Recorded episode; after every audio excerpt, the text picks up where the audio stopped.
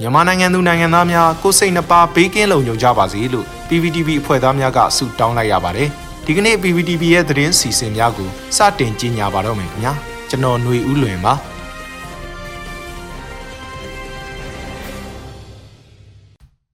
အခုပထမဆုံးအနေနဲ့အမျိုးသားညီညွတ်ရေးအစိုးရပြည်ထောင်စုစည်ရင်းစစ်ချုပ်ဦးတိုးအောင်နဲ့တရက်စစ်နဲ့စွမ်းရင်ဝင်ကြီးဌာနပြည်ထောင်စုဒုဝန်ကြီးဦးမော်ထွန်းအောင်တို့ကိုပြည်ထောင်စုလွှတ်တော်ကိုစားပြုကော်မတီကအတည်ပြုခန့်အပ်ပြီးကျန်းသစ္စာကျိန်ဆိုခဲ့ကြတဲ့သတင်းကိုတင်ဆက်ပေးမှာဖြစ်ပါတယ်။ဒီကနေ့2021ခုနှစ်ဇူလိုင်လ26ရက်နေ့မနက်ပိုင်းမှာပြည်ထောင်စုလွှတ်တော်ကိုစားပြုကော်မတီကအမျိုးသားညီညွတ်ရေးအစိုးရအဖွဲ့မှတာဝန်ထမ်းဆောင်ကြမယ်ပြည်ထောင်စုစည်ရင်းစစ်ချုပ်ဦးတိုးအောင် ရက်စစ်နဲ့စွမ်းရင်ဝန်ကြီးဌာနပြည်ထောင်စုဒုဝန်ကြီးဦးမော်ထွန်းအောင်တို့ကိုအတီးပြုခန့်အပ်ကြောင်းကြေညာချက်တစ်စောင်ထုတ်ပြန်ခဲ့ကတစ်ဆက်တည်းမှာပဲပြည်ထောင်စုလွှတ်တော်ကိုစားပြုကော်မတီရှေ့မှောက်မှာကျန်းသစ္စာကျိန်ဆိုခဲ့ကြပါတယ်။ဒီကျန်းသစ္စာကျိန်ဆိုပွဲအခမ်းအနားကိုအစီအစဉ်9ရက်နဲ့ကျင်းပသွားပြီးပြည်ထောင်စုလွှတ်တော်ကိုစားပြုကော်မတီဥက္ကဋ္ဌဦးအောင်ကြည်ညွန့်နဲ့အတွင်းရေးမှူးအဖွဲ့ဝင်များကျန်းအဖွဲ့ဝင်များရှေ့မှောက်မှာကျန်းသစ္စာကျိန်ဆိုခဲ့ကြတာပါ။ ပြည်ထောင်စုလွှတ်တော်ကုစားပြုကော်မတီဥက္ကဋ္ဌဦးအောင်ကြည်ညွန့်ကဒီကနေ့ကျန်းသစ္စာကျိန်ဆိုသူတွေဟာအခွင့်အရေးရိတ်ခါလာစာ အဆောင်ရောင်တွေကိုမျှော်လင့်လို့မဟုတ်ဘဲရင်ဆိုင်ကြုံတွေ့ရနိုင်တဲ့အန္တရာယ်အမျိုးမျိုးကိုရင်ဆိုင်ကြရမယ်ဆိုတာသိသိနဲ့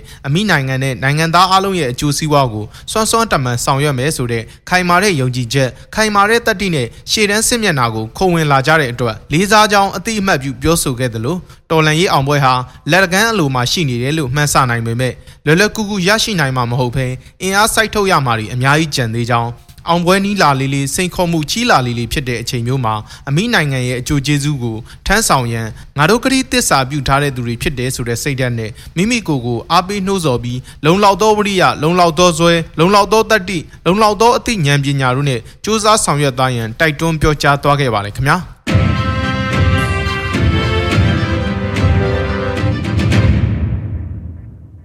ဆက်လက်ပြီးအကြမ်းဖက်စစ်ကောင်စီကအာဏာသိမ်းပြီးနိုင်ငံရေးမတည်ငြိမ်မှုတွေနဲ့ကိုဗစ်ကပ်ရောဂါကူးစက်မှုမြင့်တက်နေချိန်မှာမြန်မာစီးပွားရေးဟာ18ရာခိုင်နှုန်းအထိကျဆင်းခဲ့တဲ့သတင်းကိုတင်ဆက်ပေးသွားမှာဖြစ်ပါတယ်။စစ်အာဏာသိမ်းပြီးနိုင်ငံရေးမတည်ငြိမ်မှုတွေနဲ့ကိုဗစ်ကပ်ရောဂါကူးစက်မှုမြင့်တက်နေချိန်မှာပဲအခုနှစ်အတွင်းမြန်မာစီးပွားရေးဟာ18ရာခိုင်နှုန်းအထိကျဆင်းနိုင်တယ်လို့ခန့်မှန်းကြောင်းကမ္ဘာ့ဘဏ်ကထုတ်ပြန်လိုက်တာပါ။ လာမယ့်လတွေမှာလည်းစီးပွားရေးအကျက်တဲပူဆိုးလာနိုင်ပြီးအလုတ်အကင်တသန်းလောက်ဆုံးရှုံးနိုင်တယ်လို့ဒီနေ့ဇူလိုင်လ26ရက်နေ့ကမ္ဘာ့ဘဏ်ကထုတ်ပြန်တဲ့မြန်မာ Economic Monitor အစီရင်ခံစာမှာဖော်ပြထားပါတယ်။နိုင်ငံတော်အတိုင်းအမြံပုဂ္ဂိုလ်ဒေါအောင်ဆန်းစုကြည်ဦးဆောင်တဲ့အရက်သားအစိုးရကိုဖျောက်ချပြီးစစ်တပ်ကအာဏာသိမ်းလိုက်တဲ့ဖေဖော်ဝါရီလ၁ရက်နေ့ကတည်းကမြန်မာပြည်သူတွေဟာကပ်ရောဂါဘေးသားမကအာဏာရှင်ဖိနှိပ်မှုတန်းကိုပါတပြိုင်တည်းရင်ဆိုင်နေရတာပါ။ ဒါအပြင်ကမ္ဘာလုံးဆိုင်ရာစီးပွားရေးအဆင့်သတ်မှတ်ချက်တွေကိုတွက်ဆခဲ့တဲ့ Page Solution ရဲ့ဇွန်လတွက်ကိန်းအရအခုနှစ်အတွင်းမှာမြမစီးပွားရေး20ရာခိုင်နှုန်းအထိကျဆင်းနိုင်တယ်။ဒါမှမဟုတ်စက်တင်ဘာလကုန်မှာတိထက်ပိုကျဆင်းနိုင်တယ်လို့ခန့်မှန်းထားပါတယ်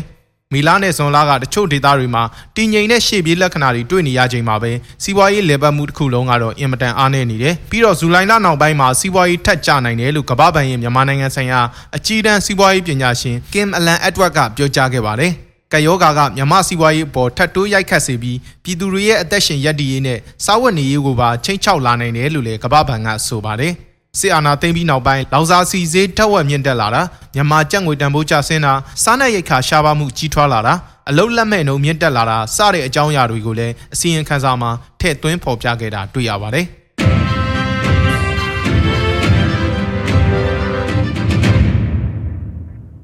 အာနာသိမ့်မှုစန့်ကျင်ရေးကော်မတီကိုရီးယားကဦးဆောင်ပြီးငါးနိုင်ငံအတွက်ငါးတရက်လှုပ်ရှားမှုကိုစတင်လိုက်တဲ့သတင်းကိုတင်ဆက်ပေးမှာဖြစ်ပါတယ်။ငါးနိုင်ငံအတွက်ငါးတရက်အစီအစဉ်မှာပါဝင်ပြီးအာနာရှင်ကိုစန့်ကျင်တော်လှန်ရမှာအားလုံးအတူတူပါဝင်ကြဖို့အာနာသိမ့်မှုစန့်ကျင်ရေးကော်မတီကိုရီးယားကဖိတ်ခေါ်ထားတာဖြစ်ပါတယ်။အဆိုပါလှုပ်ရှားမှုကို one day challenge လို့အမည်ပေးထားပြီးအာနာရှင်စနစ်ကိုအမြင့်ပြတ်ချိန်မုံဖို့အတွက်ကိုယ့်ရဲ့တလတာအတွင်းကတရက်စာဝင်ငွေကိုလဆင်လူလန်းနိုင်တဲ့အစီအစဉ်ပါ။ မြန်မာနိုင်ငံမှာစစ်အာဏာရှင်အမြင့်ပြတ်ချုပ်ငြိမ်းပြီးပြည်သူအလုံးလူလားတဲ့ Federal Democracy စနစ်တည်ရှိခိုင်မြဲရေးအတွက်ယခုဆင်နွှဲလျက်ရှိတဲ့လူဦးတော်လှန်ရေးမှာ NUG ဟာနိုင်ငံရေးအရာ၎င်းလက်တွေ့အာဏာကျင့်သုံးရေးအရာ၎င်းအင်အားတောင့်တင်းခိုင်မာပြီးအစိုးရရန်ရာလဲပတ်နေနိုင်မှုအလွန်ရေးကြီးကြောင်း ထို့သောအစိုးရရန်ရာလဲပတ်နိုင်ရေးအတွက်နိုင်ငံသားတွေကထောက်ပံ့တဲ့ဗန္နာရန်ပုံငွေရရှိရေးဟာလည်းထပ်တူရေးကြီးကြောင်းထားကြောင့်နိုင်ငံသားတိုင်း NUG သို့ဗန္နာရန်ပုံငွေထောက်ပံ့ရန်မဖြစ်မနေလိုအပ်ပါကြောင်းကို One Day Challenge လှုပ်ရှားမှုဆိုင်ရာထုတ်ပြန်ချက်ထဲမှာဖော်ပြထားတာကိုတွေ့ရပါတယ်။အဲ့ဒီလှုပ်ရှားမှုကနေရရှိလာတဲ့အလူငွေတွေကို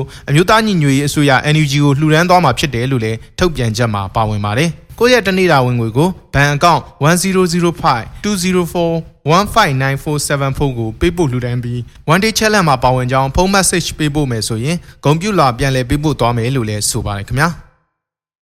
ရေတော်ဘုံအောင်ရမည်ရေတော်ဘုံအောင်ရမည်